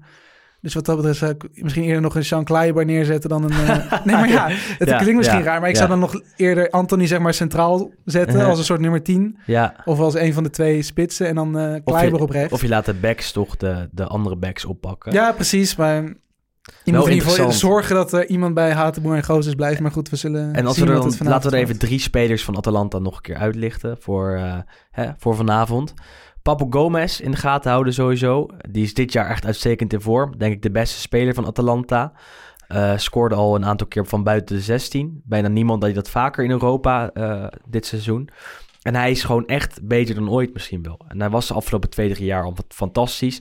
En nu is hij weer zo goed in vorm. Eh, heeft een dribbel, heeft een goede paas, heeft inzicht. Hoort echt bij de, bij de beste spelers van de Serie A op dit moment. En misschien is hij zelfs de beste speler van eh, de competitie. Dus als je echt eh, één iemand in de gaten moet houden vanavond, is hij het. Eh, wie gaan we er nog meer uitpakken, Wes? Ja. Ilicic. ja, maar goed, die speelt dus niet misschien, Nee. waarschijnlijk. Ehm Martin de Roon is er niet bij. Scheelt, ja, ja. Goed, dat scheelt natuurlijk ook wel voor Zeker, Ajax. Denk ja. dat, je, dat Atalanta zulke soort spelers ook mist. Mist natuurlijk nog steeds Doelman Golini. Wat eigenlijk Ja. gewoon een van de betere keepers is van Italië. Sportello is wel een uitstekende vervanger. Ja, Heeft over doelmannen gesproken. Exact. Heeft in het verleden ook een, een keer bij de Azzurri gezeten als derde penalty keeper. gepakt afgelopen weekend. Van, exact. eh, is echt geen, geen verkeerde vervanger. maar wel minder dan Golini. Maar Zeker. Caldara is er niet bij. Ehm, dat is ook wel nou, niet een groot gemis, want die vangen ze gewoon op. Ehm, en eh, ja, ik denk echt wel dat de kansen ook gewoon liggen hoor. Want voor Ajax of Zeker. Atalanta. Nee, voor Ajax Ja. ook gewoon met als je voorin zorgt dat je snel spel hebt en dat cent- centraal, zo centraal mogelijk kan houden. Mhm. Eh, want je staat natuurlijk wel tegen ja, niet Ja. echt wendbare types met. Palomino, met eh Toloi, Jim City Jim waarschijnlijk. City. Dat zijn niet de meest atletische jongens, zeg maar.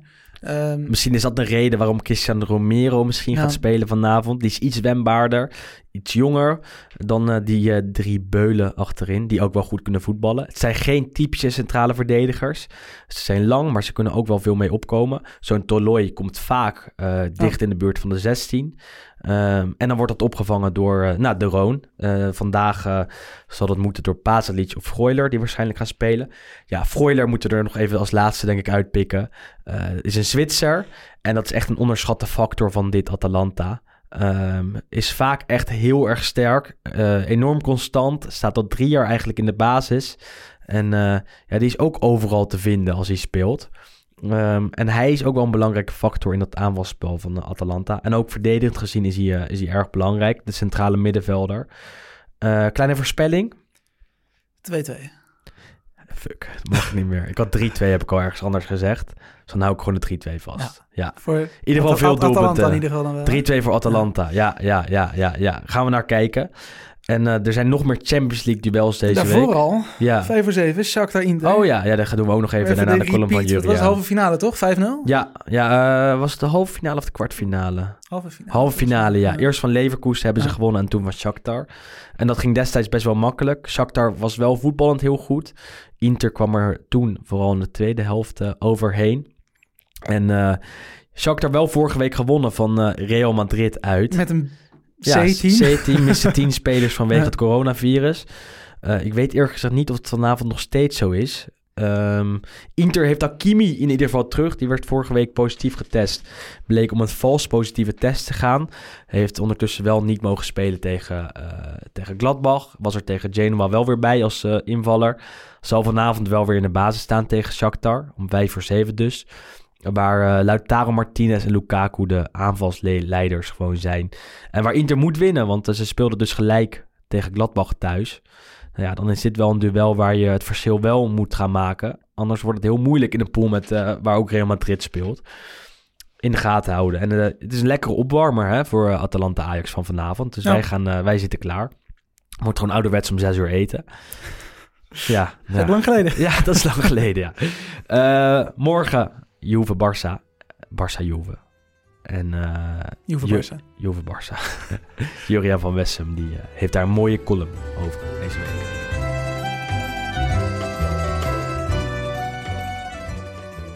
Veel neutrale liefhebbers hoopten dinsdag op een confrontatie van Cristiano Ronaldo met Lionel Messi bij Juventus Barcelona, maar dat gaat helaas niet door.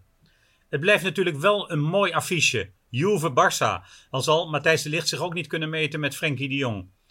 Maar het is altijd leuk om jonge spelers als Kulusevski en Ansu Fati aan het werk te zien.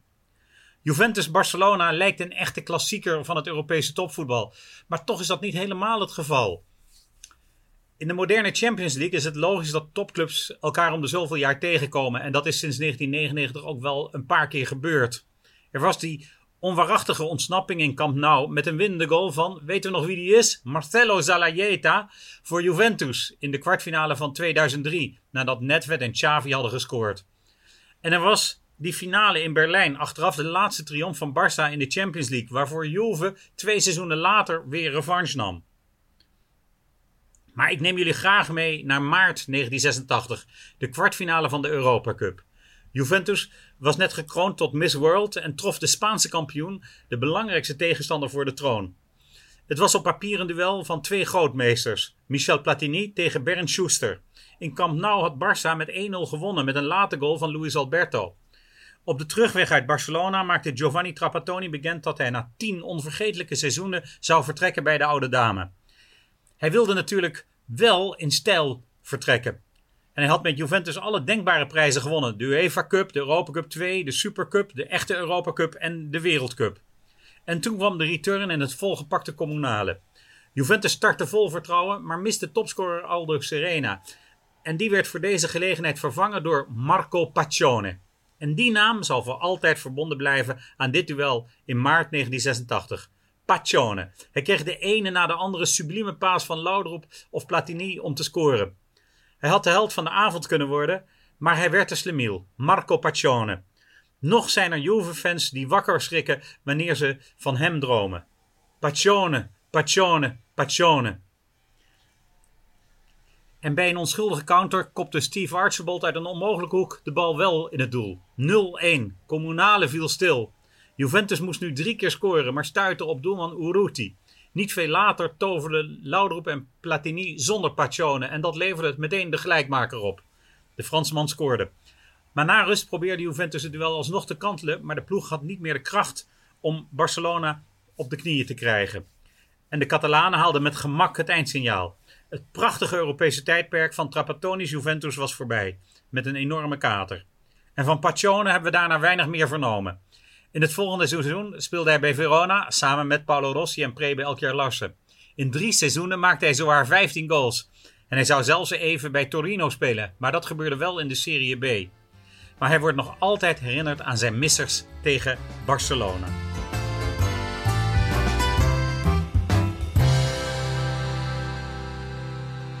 Ja, Juve Barça. Wel genieten. Jammer dat Ronaldo mooi. er waarschijnlijk bij is. Hè? Horen we vandaag. Ja, nee, we horen het straks. Dus waarschijnlijk tegen de tijd dat deze online staat... zijn we alweer ingehaald door de actualiteit. Eh, maar in ieder geval, ja, een mooie, mooie wedstrijd, denk ik. Natuurlijk vaker gezien de afgelopen, afgelopen jaren. Ik heb nog die hele goede wedstrijd van Dybala. Volgens mij was het 3-0 toen, Ja, eh, zeker. herinneren. Eh, ze hebben natuurlijk ook een paar keer verloren. Maar ik denk dat dit sowieso wel een van de mooiere, mooiere potjes is. 100%. Waar je wel echt naar gaat uitkijken. Ja, en die wel, waar je voor gaat zitten Dat denk ik zeker. En goed, we blijven natuurlijk een beetje in de afwezigheidssfeer bij, eh, bij Juve. Want die missen gewoon eigenlijk drie centrale verdedigers. Dus ik vrees een beetje dat die gaan moeten gaan beginnen met eh, Danilo, McKenny en Demiral. Demiral. Ja, de licht nog niet fit. Komt er wel aan, hè? Fi- volgens Pirlo fit genoeg, zowel fysiek als mentaal. Alleen dan moet nog wachten op eh, het- het groene licht, zeg maar, het bekende groene licht. Ja, ja. Dus ik verwacht wel dat hij snel weer aansluit. Maar goed, ja, tegen Barcelona, waar natuurlijk voorin ook wel wat aardige jongens rondlopen. Of vooral heel veel snelle jongens Mhm. met eh, onder andere Ansu Fati natuurlijk. Ene Messi. Zal het natuurlijk vrij, eh, vrij lastig worden. Maar goed, ja, hopelijk krijgt die bal het weer op zijn op. Ze spelen in ieder geval wel weer in het thuisshirt, niet meer in dat... Afzichtelijke roze shirt getekend door een of ander kind. Wat echt belachelijk is. En eh Barça wel daar iets zijn favoriet, hè? Ja, ja, ja, dat denk ik wel. Toch? Ja. Oh, ik denk, ja, goed, beide ploegen natuurlijk in een overgangsfase. Beide ploegen nieuwe trainer. Beide ploegen waar het nog niet heel erg lekker draait. Maar ik denk wel dat Barcelona, eh, zeg maar, over de hele... eh, Ja, iets, iets sterker ietsjes verder is op dit moment ook vanwege de afwezigheid, ja, afwezigheid van onder andere de licht en waarschijnlijk Chiellini Bonucci. Ronaldo. En Ronaldo natuurlijk als hij er niet bij is. Ja. Ja. En dan hebben we nog Club Brugge tegen Lazio. Lazio begon goed aan de groepsfase. Club Brugge ook. Club Brugge ook. Ja, won eh, in de 90ste minuut eh, van eh, Zenit Sint-Petersburg. Eh, Sint-Petersburg. En Lazio wil een vervolg geven aan die overwinning tegen Dortmund. Gaan dus op bezoek in België. Zijn de favoriet daar wel, absoluut. Moeten ze kunnen winnen. Maar je weet het nooit bij Lazio. Nee, je weet wel bij de Club. Lazio. Nee, daarom. Club is een hele leuke, leuke ploeg. ja, een paar hele fijne spelers natuurlijk. Charlotte de Ketelaar die in de laatste minuut scoorde tegen Zenit. Maar Noah Lang zit daar natuurlijk tegenwoordig. Guutje Vormer. leuk. Ja, zitten echt wel een paar hele interessante, interessante spelers. En het is echt niet makkelijk om te winnen daar in het eh, Jan Breidel Stadion. Even kort door naar de Europa League nog. Eh, Milan tegen Sparta Praag thuis. Nou ja, dat eh, is een eentje. Kunnen we wel opschrijven, denk ik. Voor de nummer 1 van de Serie A. Mogen we niet vaak genoeg benadrukken van Sander Jonkman. Die dit seizoen echt toch wel een keer zal aanschuiven. Maar het op dit moment heel erg druk heeft. Eh, Roma tegen CSKA Sofia. Normaal gesproken ook een eentje. Normaal gesproken bij. Roma weet je het nooit. Je weet het nooit bij Roma. En dan heb je dus Napoli nog. En en Napoli dat is wel gaat, echt een eh, mooi, ja. mooi potje hoor. op bezoek bij eh, Real Sociedad. Napoli verloor het eerste duel dus van AZ. Zal orde op zaken moeten stellen en zal moeten winnen bij Sociedad. Speelt David Silva onder andere. Mikel Ja. Merino. Leuk team ook. Ehm, Fijne spelers. en Napoli blijft ook een leuk team natuurlijk. Eh Sociedad won het eerste duel bij eh Rijeka met 0-1. Wat betekent dat eh, Napoli gewoon samen met Rijeka onderaan staat in die pool. En eh, willen ze doorgaan. Ja, is dit een belangrijke ronde? Want anders staan ze gewoon met 0 punten uit twee duels. Zes punten achter nummer 1 en 2 waarschijnlijk. Want AZ gaat wel winnen, denk ik, van Rijeka. Al weet je het bij AZ ook nooit. Nee, En ja, het is een Serie A-podcast of een Italiaans voetbalpodcast en geen Eredivisie-podcast. Dus daar mogen we eigenlijk niks over zeggen. Maar Wij het schijnt dat AZ heel veel voorsprongen weggeeft. Ja, zeker. Dat ja, we kijken wel eens een Eredivisie-potje en dat gebeurt dan wel eens. Volgende week zijn wij er weer. Gaan we weer een uurtje nabeschouwen op de Italiaanse voetbalweek. Dan eh, Toch is... een paar eh, mooie wedstrijdjes weer hoor. Ja, de, ja, Napoli Sassuolo is misschien de, Enorm de leuk. mooi voetbal derby. Ja, Dan hebben we daarna Roma Fiorentina, twee ploegen die beter kunnen, maar Ja, nog niet laten ja, zien, exact. maar wel leuk zijn. Roma wel steeds beter aan het worden. Weer een lekkere derby della Lanterna. Ja. Sampdoria Genoa. Dat is lekker. Zelfs zonder publiek wel mooi. ja, Wel natuurlijk een, een stuk minder lading, maar oké. En Eh, volgende week is er nou. ook weer Champions League. Dus dan gaan we dan weer daarop voorbeschouwen. Het worden wel hele volle podcasts eh, zo. En, we dan gaat die beker eigenlijk beginnen. Ja, voorlopig nog niet, hoop ik. de Coppa Italia, het ondergesneeuwde kindje van Zal Italië. ik eens wat vertellen? Nou? Vanavond. Sampdoria, Echt? Salernitana, Oh, Bologna, jeetje. Regina.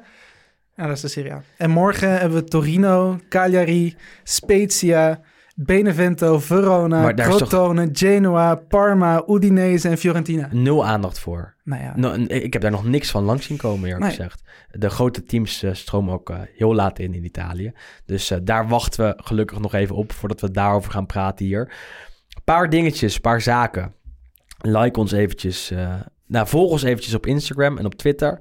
Geef ons even een paar sterren op iTunes in de store. Dat is lekker. Dat, eh, daar komen we ook iets hoger op, eh, op die ranglijsten daar. En alle tips, hints, suggesties, eh, kritiek is welkom. Kan je ons laten weten op Twitter, Lostadio NL en op Instagram, Lostadio. Ehm, verder staan we altijd open voor, eh, ja, voor andere Alles? dingen. Ja, dus en luister nog eventjes naar jouw optredens, denk ik, bij de, Ja. alle Ajax-gerelateerde dingen. exact. En je hebt de, als stel je hebt Bergamo TV, dan eh, ben ik daar misschien vanavond ook wat te horen. In het I- Italiaans, dus stel je wil me een keer in het Italiaans horen praten, dan is dit je kans. Ik kan niet beloven dat het foutloos is. Ja, maar dat hoeft ook niet, toch? Nee, dat is waar. Ja, het is altijd, altijd risico voor. Voor het eerst ik bedoel, ooit ons in het Nederlands is ook niet... Nee, dat is waar. Er zitten ook af en toe haperingetjes in. Ehm, en dan zijn we er volgende week dinsdag weer. Eh, en we beloven ook dat we met een paar specials komen. Alleen dat is natuurlijk iets moeilijker geworden vanwege de coronasituatie. We willen het liefst in de studio opnemen. En eh, ja, dat is eh, soms wat moeilijker. Ja, doordat eh, je eh, ja, niet met elkaar in een ruimte moet gaan zitten. Maar goed, in de voorbeschouwing bijvoorbeeld op die Derby della Lanterna hebben we natuurlijk al een mooi... eh, Ja. Onze allereerste gast ooit, Marciano Vink, tegenwoordig heeft eh, Fox hem ook weten te vinden. Gescout bij ons. En wij waren de allereerste natuurlijk. Zouden wij ook ooit nog gescout worden, denk je? Niet door, die hebben geen Italiaans voetbal, hè? Nee, Dus dat door, is door Ziggo dan misschien. Maar goed, dat is in ieder geval een mooie voorbereiding. Mocht je... We hebben, wie hebben we nog meer gedaan op de Derby della Lanterna? Volgens mij met eh, Alleen Marciano Vink. Hans Otte. Hans Otte zeker. Hans Niet Otte specifiek over die wedstrijd. heeft maar- ons nog eh, iets moois verteld trouwens. Laatste, eh, la, la- we Laatste uren we al doorgaan. drie uur zitten. Ik zei vorige week dat die Oezbeekse spits bij Genoa zit. Die geen Italiaans en geen Engels kan. En dan moet ik zijn naam, dus een Somu Rodolf. Die kan dus geen Italiaans, geen Engels. Hij appte me gelijk na de podcast. eh, die, nou, die heeft hij geluisterd, volgens mij op donderdag. Dat er dus speciaal voor hem een tolk op de bank zit. Als speler. Dat is een speler van de Primavera. Die kan dus Oezbeeks en Italiaans. Nou, die tolkt dus lekker. En dat kan dat hij op de bank zit, omdat Genoa nog steeds allemaal spelers heeft die zijn eh, uitgeschakeld door het coronavirus en door eh, andere kwaaltjes. Maar deze Primavera-speler, onder 21-speler, zit op de bank en die eh, vertaalt dus tussen de trainerstaf en eh Shomurodov. Ik denk dat ik weet wie het is. Ja. Daniel Dumbravanu, Ja, exact. Ja, Moldavië. ja, ja. Welke taal is dat dan? Moldavisch. Moldavisch? Ja. Dat lijkt waarschijnlijk, Waarschijnlijk genoeg op uh. Oezbeeks. Interessant. Nou goed, dit was hem voor deze week. Tot volgende keer. En we zien jullie reacties graag tegemoet. Tot de volgende.